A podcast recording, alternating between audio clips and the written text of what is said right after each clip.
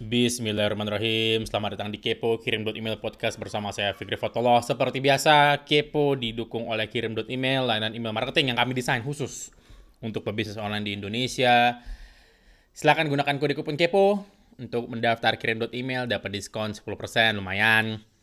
Ya, jadi kirim email itu alamat website, silahkan buka browsernya, tulis kirim email atau kirim titik email. Oke, di episode kali ini sebenarnya lahir dari kekhawatiran saya setelah melihat kemarin beberapa postingan uh, beberapa hari yang lalu sebelum sebelum sebelum saya rekam ini dengan Mas Rade ya yang bintang tamu kita setelah ini atau narasumber kita setelah ini yaitu adanya fenomena influencer di Indonesia ya. Fenomena itu uh, seperti ini yang yang saya terima beberapa hari ini kabarnya negatif yaitu si influencer, influencer itu orang yang punya banyak follower lah ya berita mungkin satu halaman ya mungkin anda yang asing dengan uh, istilah influencer ya orang yang punya banyak follower dan spesifik lagi di sosial media seperti Instagram, Twitter dan yang lain. Ini kita biar fokus lagi kita fokus ke Instagram ya karena ini kasusnya terjadi di Instagram. Jadi ada seorang influencer di Instagram ya yang minta barang gratisan sama seorang pebisnis.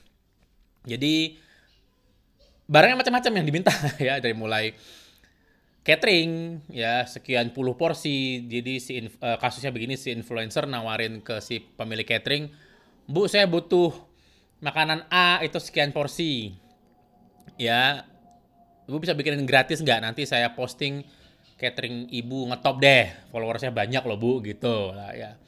Ada juga yang jasa make up mbak saya boleh di make upin gratis nggak? Nanti make upnya mbak saya posting grat apa sekian postingan di Instagram saya tuh banyak loh followernya, tapi mbak makeup saya gratis gitu loh. Sampai jasa fotografi, hotel bintang 5, semua mendapat perlakuan yang sama lah. Pernah di uh, beberapa kasus itu karena kemarin di trigger sama kasus ibu-ibu catering ini kemudian melebar ke mana-mana, jadi berkeluaran lah ada yang pernah kerja di perhotelan dan mendapatkan pesan yang sama dari seorang influencer, and so on and so on banyak sekali ya.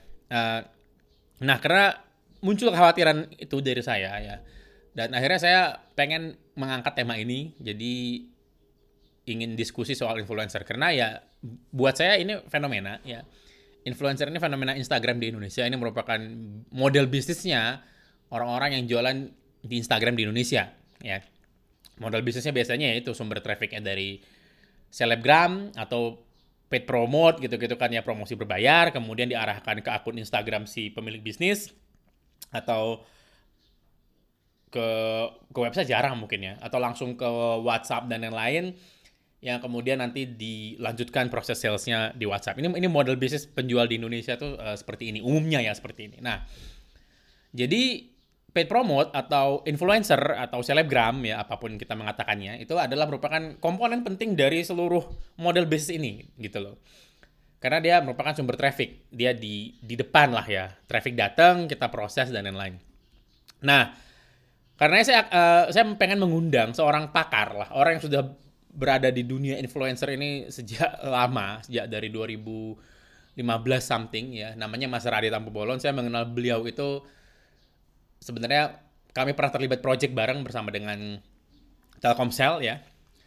Jadi uh, di situ saya sering memantau aktivitas beliau, memantau Sosiabaz dan uh, Sosiabaz perusahaannya ya dan akhirnya saya pengen mendengar dari perspektif beliau ya sebenarnya bagaimana dunia influencer ini dari orang yang sudah lama sekali ada di sini. Jadi Social Buzz ini boleh dibilang marketplace, marketplace untuk influencer. Jadi Anda bisa uh, mencari siapa influencer yang tepat ya di Social Buzz dan kemudian Anda bayar Social Buzz-nya Anda bayar, transfer ke Social Buzz dan campaign Anda jalan atau paid promote Anda jalan dan kemudian setelah selesai promosinya baru Social Buzz akan bayar ke si influencer itu ya. Sama sama seperti marketplace kebanyakan lah ya, modelnya seperti itu.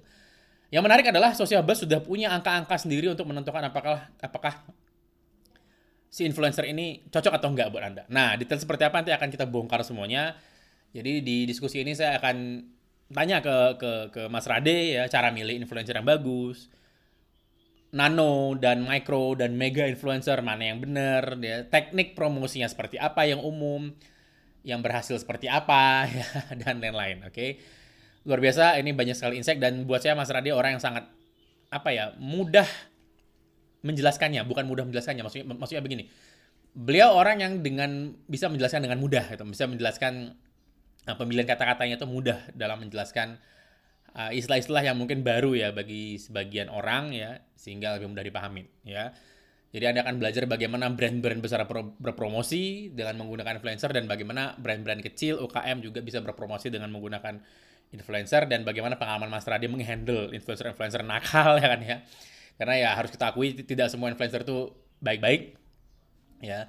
Bagaimana menentukan apakah kampanye uh, kampanyenya itu berhasil atau tidak dan yang lain ya. Gak usah berlama-lama deh ya, kita langsung panggil aja Mas Radi dan seperti biasa di akhir rekaman ada penawaran khusus untuk Anda jadi dengarkan episode ini sampai habis. Uh, ada penawaran khusus untuk Anda yang ingin menggunakan Social Buzz mungkin setelah ini ya.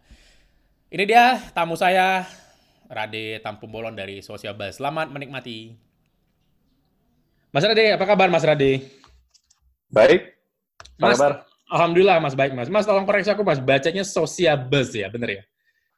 Social Buzz. Social Buzz ya. Oke, uh, ini perasaan udah lama banget ya. Ini tahun berapa startnya Mas ya? Startnya banget-banget MVP pertama, minimum viable product lah ya, itu 2012. Saat itu udah ada udah ada istilah MVP udah ya? Belum, belum MVP baru baru-baru juga. uh, apa awalnya apa? Apa yang yang yang yang men-trigger Mas untuk bi bikin sosial buzz ah gitu? Saat itu apa? Apa cerita di belakangnya? Jadi waktu itu masih kerja di perusahaan FMCG, mm-hmm. uh, di bagian digital marketing dan waktu itu udah mulai ada tren influencer marketing tapi waktu itu masih medianya tuh Twitter kan Twitter ya, ya. belum terlalu besar Instagram itu dan lain-lain nah kita sering tuh untuk promosi brand-brand yang ada di perusahaan itu kita kerjasama dengan dulu sebetulnya Twitter buzzer lah ya yeah. Twitter buzzer atau seleb tweet ya tapi kita harus DM satu-satu kita tanya terus nanti ada administrasi bayar segala macam. Dan ada gak sih cara yang lebih simpel kayak gitu kan? Jadi mulai dari pengen solve masalah sendiri sih pengen memecahkan masalah sendiri. Belum ada referensi itu. Tapi setelah kayak riset online oh di luar negeri udah mulai ada tools-tools seperti ini gitu. Yeah. Yeah. Nah, mungkin karena background saya bukan di di web development, jadi kebetulan teman namanya Edi, which is co-founder Syabas juga, sekarang Nah, Edi memang punya software house gitu. Hmm. Uh, dan kita uh, udah apa namanya ada ya mitra kerja juga di perusahaan waktu itu tempat saya bekerja. Hmm. Lalu saya ajak dia ngopi, terus saya share idenya. Ini ada masalah keribetan kayak gini-gini nih untuk jalanin influencer marketing. Nah, kebetulan dia juga memang di bidang agency dan dia mengalami masalah yang sama. Saya dari klien ada brief, jalanin influencer marketing, ribet banget gitu. Sangat sangat labor intensif ya, sangat banyak makan tenaga ya berarti ya saat itu ya. Tenaga dan waktu. Tenaga dan waktu ya. Uh, uh. Habis itu pas tahu dia juga ada masalah yang sama, terus kita bahas ide gini nih bisa automation segala macem. Hmm. Ya udah uh, apa MVP atau versi pertama dari Sosiabas. Uh, sekarang kan gini ya mas ya, Mo mohon aku dikoreksi mas ya, karena aku juga nggak uh, punya data konkret ya tapi kan gini, ada semacam masalah trust issue ya. Jadi ada semacam, wah ini kan nggak otentik nih. Misalnya si selebgram ini tuh mempromosikan A gara-gara emang di hire sama sebuah brand untuk mempromosikan produk tersebut gitu ya. Jadi memang bu bukan dia makai produk itu atau bukan dia konsumen produk itu. Dan makin di sini sepertinya masyarakat semakin paham gitu loh. Jadi uh, wah ini nggak nggak otentik nih. Apa nih nggak masa sih dia pakai HP merek Advan kan gitu ya? Itu gimana uh, Social Buzz me, me, menyelesaikan ya mungkin ya tantangan itu? Ya memang industri ini sih cukup masih awal banget sih ya. Jadi semuanya masih bereksperimen mencari cara yang paling oke okay untuk supaya lebih efektif dan efisien. Hmm. dan memang audience atau masyarakat juga udah mulai tereducate lah. Oh ini endorse endorsement. Oh ini yeah, yeah paid partnership atau apa segala macam. Iya. Yang mana itu sebenarnya bagus karena banyak marketer atau klien-klien itu sebenarnya yang pengennya kan kayak nggak kelihatan nih Bener. dibayar, pengennya sok-sok otentik, sok-sok natural. Sebenarnya itu enggak, itu mengelabui konsumen. Kalau di luar negeri emang wajib tuh kita pasang tulisan ads atau sponsorship atau apa segala macam. Kalau enggak nanti kita kena tuntut. Jadi menurut Mas memang oh menurut Mas memang ini baiknya ya udah kita ngaku aja gitu ya. Untuk keamanan semua pihak sih, karena kan okay. balik lagi ini iklan gitu ya, ini advertisement yeah. kan.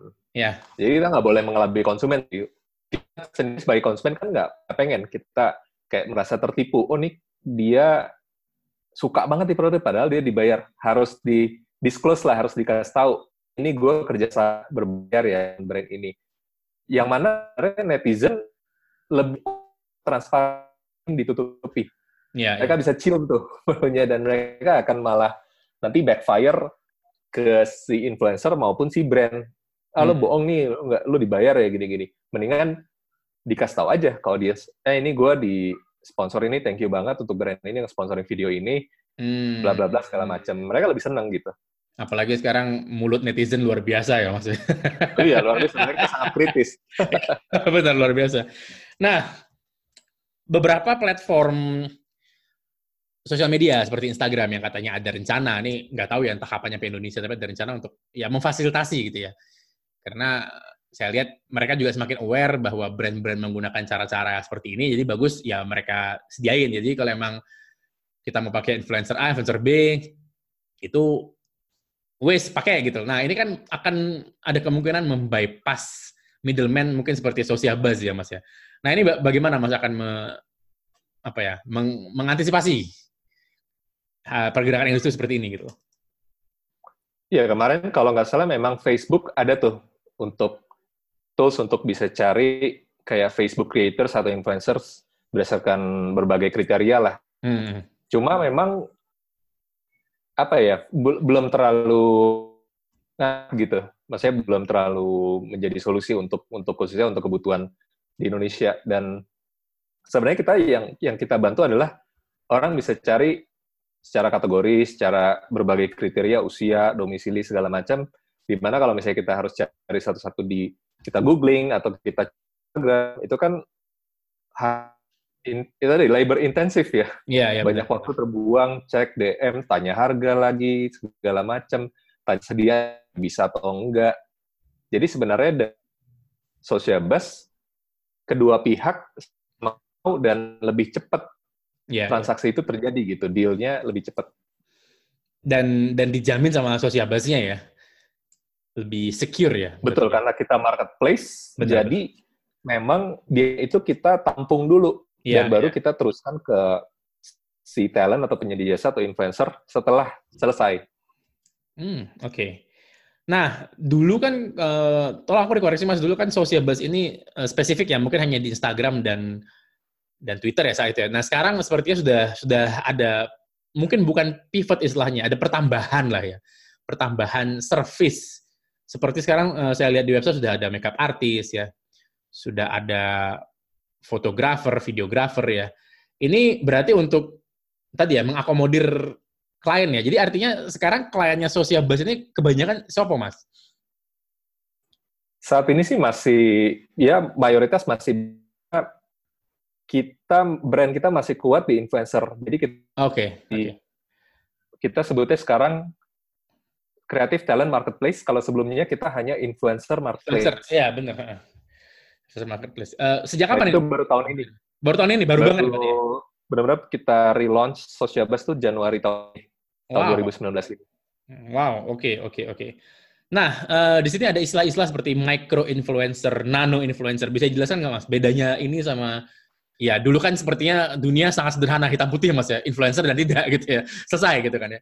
Sekarang sepertinya ada subdivisi atau ada cabang-cabangnya ya, micro, nano dan lain-lain. Nah ini gimana mas? Bisa jelaskan nggak ke, ke kita? Atau mungkin yang asing dengan istilah micro dan nano influencer?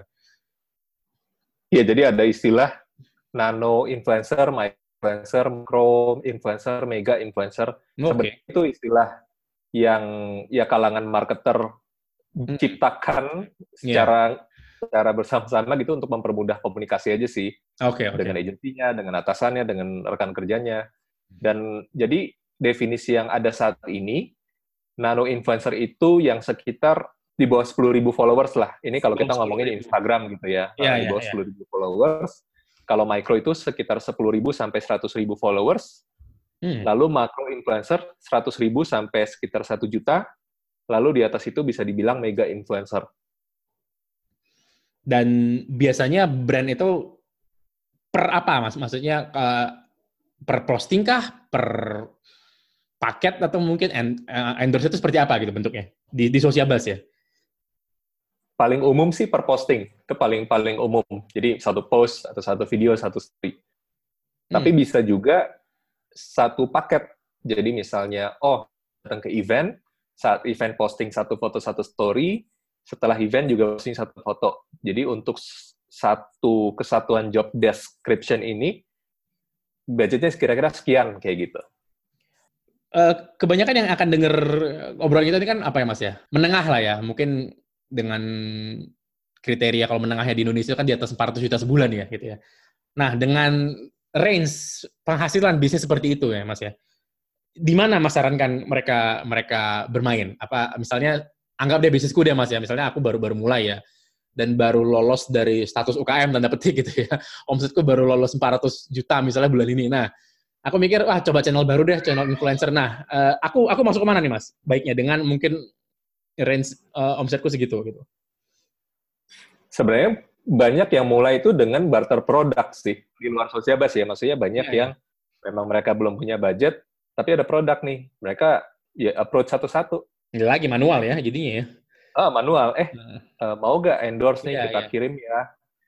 Mulai dari situ dan di situ sebenarnya salah satu brand jam tangan yang terbesar, salah satu terbesar di dunia dulunya melakukan itu. Namanya Daniel Wellington. Wellington ya, yang minimalis-minimalis itu ya Mas. Iya. Oleh barter produk habis itu dan segala macam jadi jadi gede banget sekarang. Dan mereka ke nano dan micro ini juga. Iya, awalnya mereka memang karena nggak punya budget, awalnya ke nano, micro, karena kan kalau misalnya langsung ke Kim Kardashian gitu, berapa juta dolar kali gitu kan, nggak ada budget saat itu. Dan belum tentu mereka mau nerima barangnya. belum tentu, ini barang apa nih, gue juga nggak tahu gitu kan. Oke, okay, uh, eh, kriteria mas, masuk kita ke kriteria. Ya, ini di hadapan, misalnya di hadapanku ini ada 10 akun nih ya. Nah, uh, misalnya bisnisku apa ya paling gampang fashion lah ya. Nah kriteria apa yang harus aku perhatikan dari influencer-influencer ini dan apa yang mendasari keputusanku untuk aku pilih si A deh atau aku pilih si B deh apa itu? Banyak sih kriteria yang mungkin yang umum banget tuh jumlah followers. Tapi makin lama marketer makin lebih smart Paham. lagi. Mereka Iya, mereka cek juga engagement rate. engagement rate mungkin bagi yang belum tahu. Hmm. Simpelnya kita hitung jumlah interaksi rata-rata setiap postingan dia, kita bagi dengan jumlah followers, dapat persentase. Nah, itu engagement rate. Interaksi rata-rata itu dibagi ya. Oke, okay, oke. Okay. Dibagi jumlah followers sama engagement rate.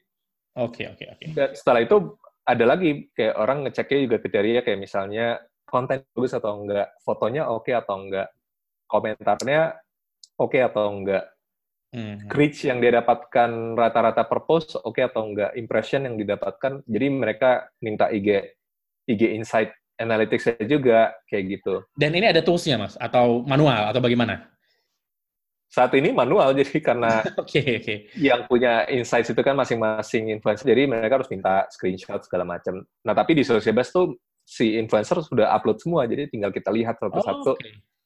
gendernya banyakkan cowok atau cewek, banyakkan di kota mana, banyakkan usia berapa. Dan angka macam. angka engagement rate ini sudah muncul di dashboard atau bagaimana? Sudah muncul. Sudah, sudah muncul ya? otomatis. Ya? Oke, okay. wow. Betul. Wow. Praktis dong berarti ya? Jadi kita membantu mereka membuat keputusan yang lebih pintar aja sih.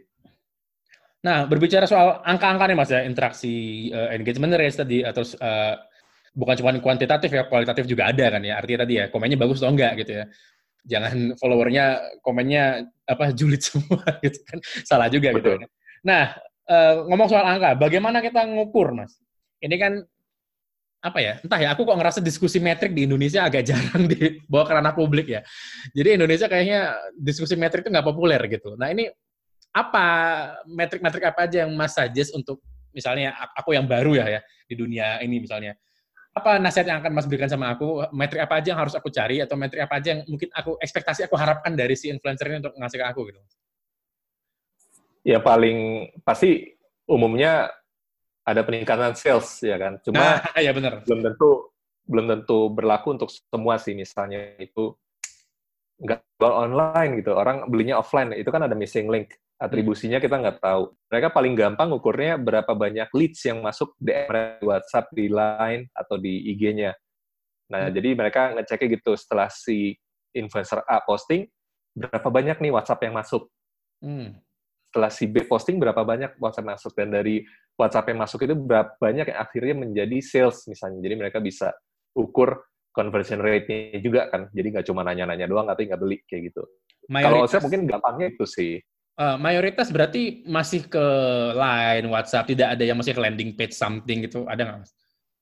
Sebenarnya kalau dari sisi efektivitas paling oke okay tuh ke message ya, karena kalau dilempar okay. ke web itu abandon card-nya banyak banget kan. Oh gitu. Uh, sebentar, message yang mas masuk adalah message-nya Instagram DM gitu.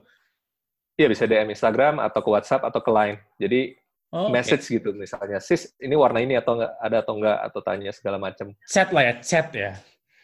Chat, chat, chat betul, chat. Ya, chat ya. Wow, ternyata masih masih uh, maksudnya orang yang sudah menggunakan uh, jasa seperti social bus masih masih seperti itu ya, maksudnya jualannya ya, tapi ya.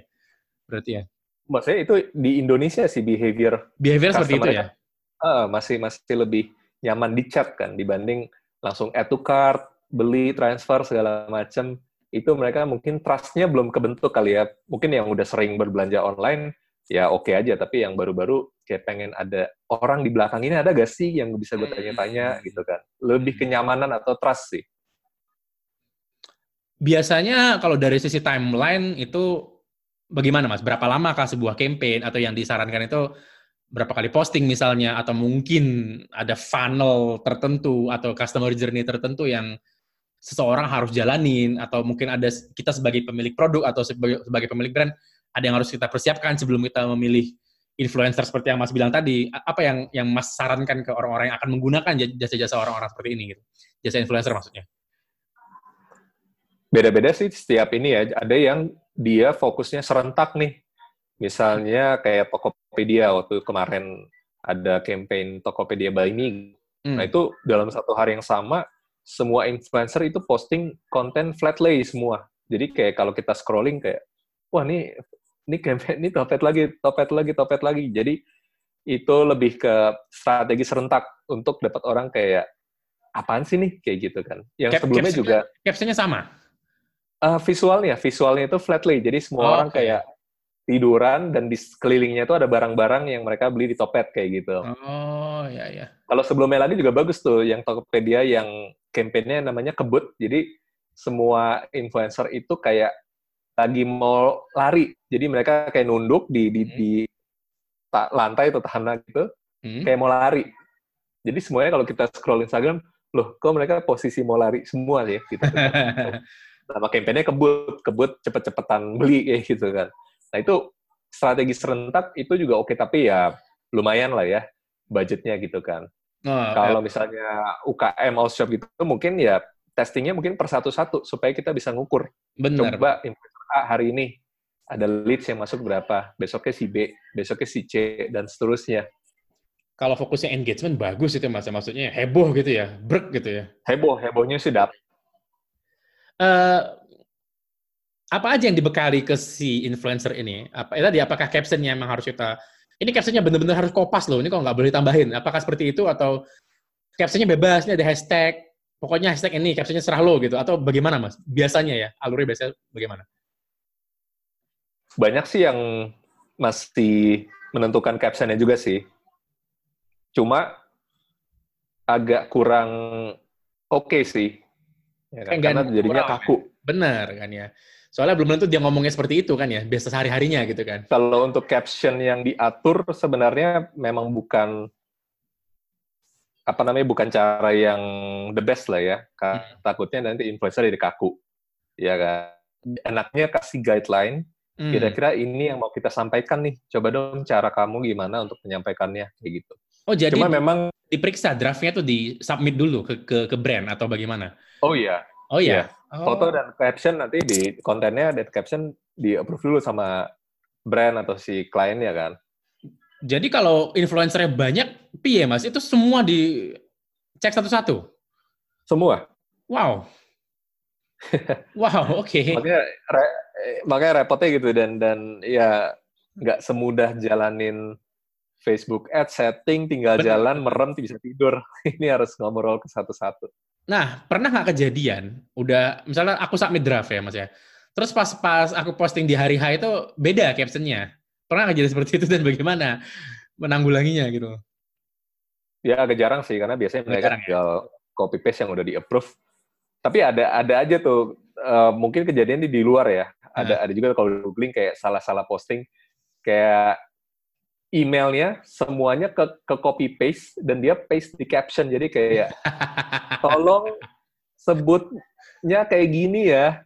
Bla bla bla bla bla itunya ke ke, ke copy paste itu langsung diketawain langsung masuk berita. Itu ad adminnya nggak nggak apa ya nggak detail ya? Iya sih influencernya ngasal atau sibuk atau bagaimana nggak teliti. Oke secara durasi berapa lama ini biasanya campaign ini? Apakah misalnya contoh mas uh, aku hire tujuh influencer ini contoh ya. Uh, tujuh ini hari ini satu, besok dua, besok tiga, atau tujuh ini posting satu hari, besok udah kelar atau bagaimana? Biasanya yang yang yang, yang terjadi. Yang paling umum sih nggak langsung serentak dalam satu hari, tapi beberapa hari gitu, beberapa hari sampai beberapa minggu. Ada juga yang campaign satu bulan full seperti itu. Jadi sama rata tuh tiap hari misalnya tiga tiga tiga tiga hmm kayak gitu. Jadi always on gitu selama sebulan. Tiga akun berbeda atau satu akun posting tiga kali sehari selama sebulan atau bagaimana? Kebanyakan kebanyakan lebih pilih bekerja sama dengan banyak influencer tapi masing-masing sekali aja. Oh, oke okay, oke. Okay. Supaya reach-nya lebih lebih luas sih. Lebih luas ya. Bukan jadi bukan bukan frekuensi yang dibanyakin ya. Lebih iya, karena nanti audiensnya kan ngelihat lagi, oh ini kan brand ini lagi brand lagi juga sih nggak apa-apa. Jadi kesannya kayak brand ambassador yang posting terus setiap hari itu bisa juga strategi yang berbeda. Dari pengalaman Mas gimana uh, kinerjanya? Terutama nano ya nano influencer. Nano ini kan artinya jumlah followernya kecil sekali ya. Artinya ya aku pribadi yang nggak nggak main-main Instagram banget udah bisa jadi nano influencer nih kan gitu ya. Apakah works? Apakah eh, berhasil gitu mas? Dari pengalaman bagaimana? Uh, maksudnya works ini yang, yang aku maksud apakah paling enggak ya budgetnya break even lah. Misalnya aku ngasih item sama dia ya paling enggak harga item itu balik lah gitu mas. Ntar aku hemat kurang hemat gara-gara pengen hemat gitu kan ya. Wah ini biar hemat nano dulu deh. Tapi nggak works buat apa kan gitu ya. Uh, buat apa kalau kita hemat-hemat tapi ya barang yang kita kasih ke dia juga nggak break even gitu kan yang ngapain gitu kan. Nah baiknya bagaimana? Dari pengalaman mas apakah nano ini berhasil gitu? Jadi memang tergantung nanonya sih atau hmm. mikronya gitu. Jadi kita lihat benar-benar kita lihat kayak dia memang apa ya? Memang benar-benar punya konten yang oke okay, atau influence yang oke okay, segala macam. Nano pun itu belum tentu nggak works karena ada juga beberapa yang kayak bilang dia ngetes nih pakai yang puluhan ribu atau ratusan ribu hmm. dibanding dengan ada nih si nano influencer ini yang cuma kayak di bawah 5000 ternyata lebih laku si nano lebih laku hmm. si nano influencer ini promosi karena audiensnya itu tepat banget. Hmm. Jadi memang harus eksperimen sih. Dan, Dan belum tentu followers itu angka itu bisa bisa belum tentu apa nah ya belum tentu bagus gitu followers yang banyak. Follower is not everything lah ya. Jumlah follower is not everything lah ya. Iya, tapi kualitas followersnya itu sih. Dan dia benar-benar ngelihat banget nih apa yang diposting si orang ini, apa yang dia pakai, apa yang dia omongin, opininya, kedekatan itu yang memang harus dicari sih dibanding jumlah followers aja. Balik lagi, acuan dasar tadi ya mas ya, engagement rate itu core-nya, core metrics-nya deh gitu ya. Tadi itu ya salah satunya engagement rate, tapi memang nggak belum tentu itu juga benar karena hmm. ya sekarang ada beberapa juga banyak yang curang juga. Jadi hmm. kita lihat ada juga tuh yang beli fake likes, fake okay. komen, fake follower. Dari Jadi memang dari harus kelihatan sama-sama aja ya sebenarnya. Kualitas komentar itu benar gak sih? Banyak nah, case yang mereka beli tuh dari dari luar kelihatan sama aja ya, nggak kelihatan quality uh, likes dan komen itu ya. Kalau di dia beli itu agak agak menantang mungkin bedakannya. Ya. Betul, agak-agak susah memang lihatnya. Jadi sekarang lebih bagus lagi kalau kita lihat sekali dia post foto, video atau story, berapa banyak sih yang melihat impression dan reach-nya. Ah. Dan kita bisa compare tuh reach-nya berapa dibanding followers-nya. Kalau misalnya reach-nya kecil banget, wah berarti ini nggak ada yang follow dia bener-bener nih, jangannya buat semua yang follow ya, gitu. Ya, bener, bener, bener. Oke mas, Social Buzz udah bertahan tujuh tahun ya berarti ya, wow. Apa advice buat pengusaha-pengusaha yang saya baru mulai ini mas? Menurut mas agar bisa bertahan, soalnya kan tahun pertama tuh setengahnya hilang gitu mas, bisnis itu kan gitu ya, tahun pertama setengahnya hilang. Nah, apa kiat-kiatnya Mas ke, ke yang yang dengerin mungkin yang masih struggle nih sekarang nih Mas? mungkin terus cari strategi-strategi aja sih. Jadi kalau misalnya case-nya Sosiabas sebenarnya memang dari awal kita pengen menjadi platform gitu kan. Hmm. Platform only. Tapi along the way kita lihat industrinya memang masih early banget sehingga klien atau brand atau apa gitu masih pengen digandeng tangannya gitu, nah, iya. masih pengen di service gitu kan. Jadi mau nggak mau kita bentuk juga divisi service atau agency kita gitu. Hmm. Dan memang um, mostly penghasilan kita malah dari itu gitu, karena memang industrinya perlu di service lah gitu. Mereka nggak bisa tuh ketik sendiri di platform ngecek-ngecek sendiri, belum belum se-advance itu. Jadi memang kita terlalu early juga mungkin gitu kan.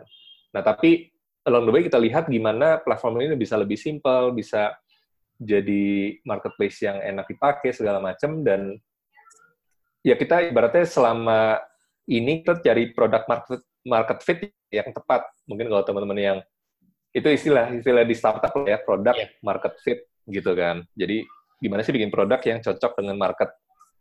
Ternyata memang harus sesimpel mungkin. Ini kita bikin simpel mungkin dan tetap ada bantuan orangnya gitu. Tetap bisa kita bantu dari WhatsApp kita apa segala macam kita kita gandeng tangan tapi nggak terlalu full service banget kayak gitu yang yang membuang banyak waktu dan labor intensif juga kayak gitu.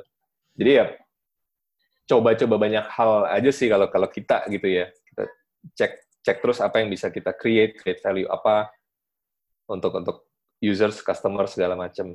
Jadi artinya uh, di agency ini berarti mungkin uh, Social Buzz dari mulai akun usernya daftar udah dibantuin apa apa apa gimana mas? Uh, artinya mereka tidak self service ya jadinya? Kita fully operational sebenarnya dari 2015 sih. Kalau hmm. dari awal-awal banget kita cuma iseng-iseng bikin produk lah, belum belum terlalu serius. 2015 baru kita bikin company dan memang ini memang belum terlalu advance gitu ya. Jadi memang kita tetap harus meeting ketemu klien, terus kita apa nih butuh apa, ya kan baru nanti kita cari influencernya. Kita benar-benar semuanya itu kita yang handle. Jadi si klien terima beres aja, jadi kayak agency lah, benar-benar kayak digital agency kayak gitu kan. Hmm, tapi ya, bedanya kita mau. punya sendiri ya. Kenapa? Tapi bedanya kita punya platform sendiri ya, sedangkan kan banyak agensi ya cuman service doang gitu ya, nggak punya platform gitu kan ya. Iya, jadi kita lumayan terbantu lah dengan ada platform jadi kita yang pakai sendiri gitu kan. Iya, nah, iya, iya. Tapi kita lihat mulai banyak klien-klien itu mulai mengerjakan influencer itu mulai secara internal, nggak pakai agensi atau third party lagi. Oh. Nah, platform social base ini cocok nih untuk apa tim-tim yang seperti itu, yang internal, pengen lebih simple, pengen jalanin sendiri. Nah, mulai banyak yang pakai social base untuk kayak gitu, jadi nggak usah ngurusin payment ke influencer, nggak usah ngurusin apa DM satu-satu influencer minta harga semuanya udah ada di platform repot banget ya gitu mas ya. Tinggal pilih pakai udah nggak usah ribet-ribet lagi fokus ke komunikasinya ke kontennya segala macam yang hal lain udah udah kita automate lah kayak gitu. Hmm. Mas Rade terima kasih loh mas udah udah mau datang ke sini loh mas. Iya, thank you, Bang. Untuk yang pengen ngobrol langsung, enaknya via apa? Mungkin atau bagaimana cara pendengar mau menemukan Mas Radi di internet?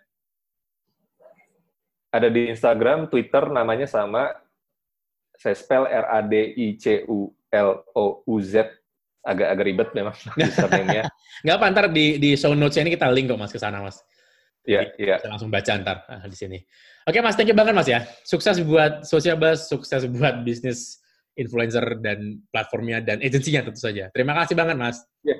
Thank you, thank you. Sukses untuk kirim email juga ya. Ah, terima kasih mas. Yo mas, dah mas. Dadah, thank you. Ya, itu tadi percakapan saya dengan Mas Radi ya. Luar biasa, uh, sangat insightful. Ya. Jadi, kalau Anda pengen bikin heboh, ya, udah tahu caranya kan, udah uh, pengen bikin heboh di Instagram, udah tahu caranya, tapi ya lagi heboh tidak murah lah ya. Kalau Anda mau bayar silakan.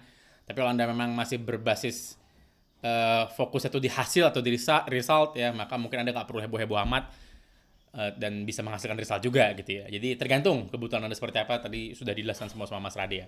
Seperti janji saya ya, uh, di akhir ini ada penawaran khusus, Anda silakan ke kirim email garis miring sosiabuzz. Sosiabuzz itu nulisnya seperti ini, S O C I A B U Z Z. Jadi kirim email garis miring sosiabuzz itu alamatnya Silahkan ke sana, ada penawaran khusus dari kita. Silahkan pelajarin. Ya, jika Anda memiliki pertanyaan, silahkan email saya seperti biasa di fikri@kirim.email, f i k r y email. Jika Anda mau saya ngobrol sama siapa, silahkan juga email ke saya, eh, email ke sana juga boleh. Atau jika Anda punya pertanyaan yang mungkin nanti bisa saya sambungkan pertanyaan ke narasumber selanjutnya, monggo juga. Ya, silahkan ke fikry@kirim.email. Untuk episode lain, seperti biasa, silahkan ke kepo.blog, itu alamat website jadi buka kepo.blog ya. Sampai ketemu di episode selanjutnya insya Allah. Saya Fikri Fatullah dari Krim.email. Terima kasih. Assalamualaikum warahmatullahi wabarakatuh.